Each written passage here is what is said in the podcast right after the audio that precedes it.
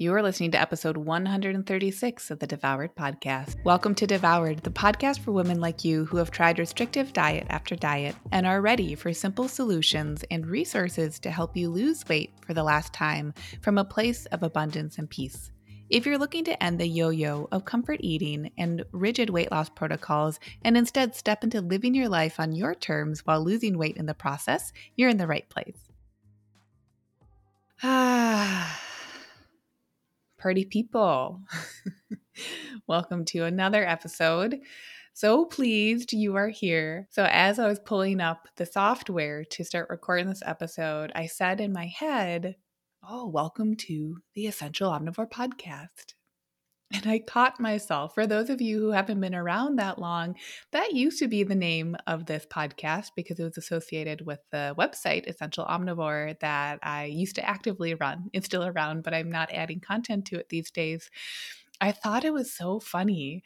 I sat down to record this after taking a like it, it's about 2:30 right now and I sat down after or I laid down after lunch for a break before coming back to work for the rest of the afternoon. And there must be something about y'all. my boyfriend gave me this weighted blanket, and I swear it does its job. I think I relaxed so hard that I moved from Devoured Podcast in my brain back to Essential Omnivore Podcast. Which I thought it was so funny that that was the word that came into my head, or the phrase that came into my head so readily as I was preparing for this show and it aligns with what we'll be talking about today. We're talking on ease. And this is a this is like a personal subject, not with what I'll be sharing, but with the intention behind this word. I haven't always been into words of the year in previous years, well, in years past.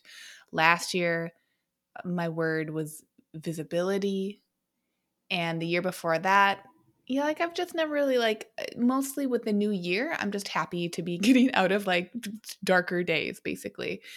Come january i know that the days are getting longer and brighter and that feels like enough of a resolution for me. So resolutions not so much.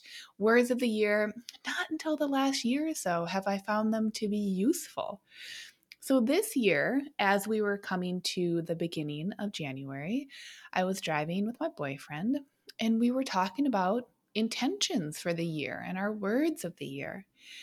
And it takes me some time, and I was playing around with different words and the different feelings that I'd like for the year.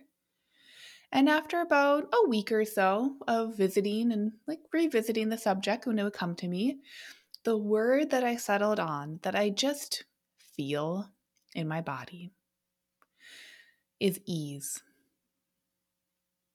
And so, on today's show, I want to invite you into this feeling if it's one that resonates with you as well.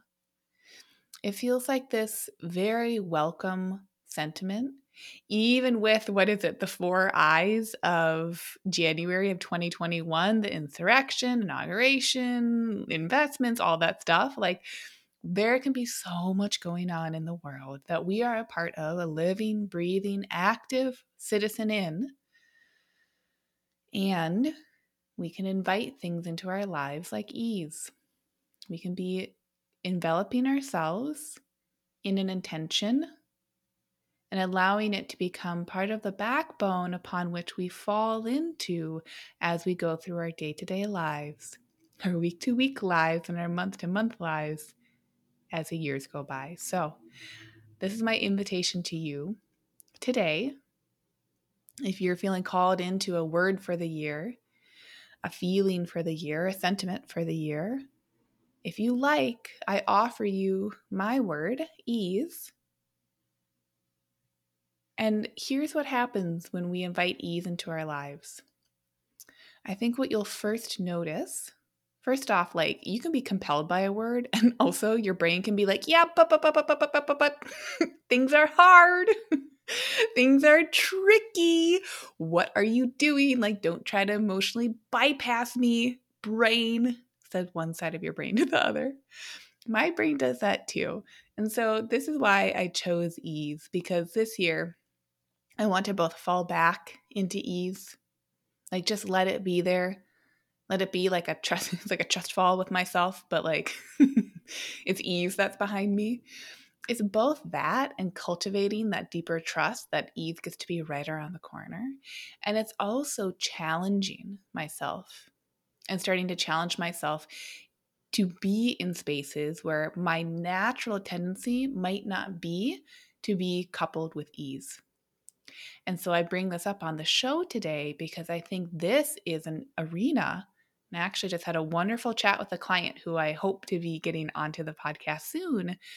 This is a wonderful space to start to question the stories that you have associated with your weight, with your body, and with what the world has put on you at large, what the world has put on you about your relationship and your story around weight and weight loss and weight gain and weight maintenance, around all the subjects.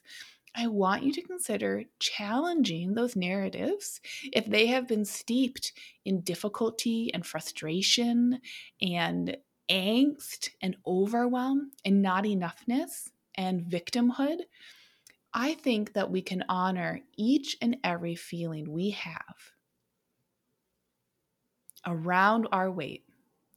And we can identify that with clarity. We can identify what is it that I am feeling? What is it that I'm pulling forward from the past? And we can take it one step further if we simply allow ourselves to and we can start to say, and this is where we can get meta in a really beautiful way. So listen up with this. Let's say that your relationship with your weight is frustrating. Like that's a core word that comes back for you. Whether it's right now, whether it was five years ago, whether there was an instance where it wasn't frustrating and now you're frustrated about that. If your word is frustrating, I want you to invite yourself into taking into holding that word kind of at arm's length, holding for the frustration, the story, the image. Close your eyes if you'd like to. And when it's at arm's length, I now want you to ask yourself is there another word that I can invite into this connection with frustration that is closer to me, that is closer to me than the word that I'm holding in my hands? So maybe this next word is at your elbows or near your shoulders or your chest or simply between you and your outstretched hands that are holding the frustration. I want you to ask yourself what is this additional word through which, as a lens, I can view that frustration? And so for me, what I think is so beautiful is that that choice can be any word or feeling that we would like to allow so, can I be with that frustration with ease? For example, this is a hugely powerful process and technique that will serve you with any feeling that burbles up in the moment that allows you to create a flexible relationship with your thoughts and with your feelings. It takes them from these rigid expectations or like even like rigid adherence to those thoughts and feelings. And it starts to, from a neurological standpoint, when you can be visualizing this and you can start to feel it, imagine it, see it for yourself, it starts to like I think of silly putty. It takes it from being like silly putty that's like sitting cold on a corner and over on a countertop somewhere. We grab it in our hands, it starts to warm up a little bit, and then we can flex and we can play with it. And this can be supportive of any feeling, any thought that we're experiencing. Try it out, even with emotions that are more positive, too. Think about Let's say that you've had a weight success.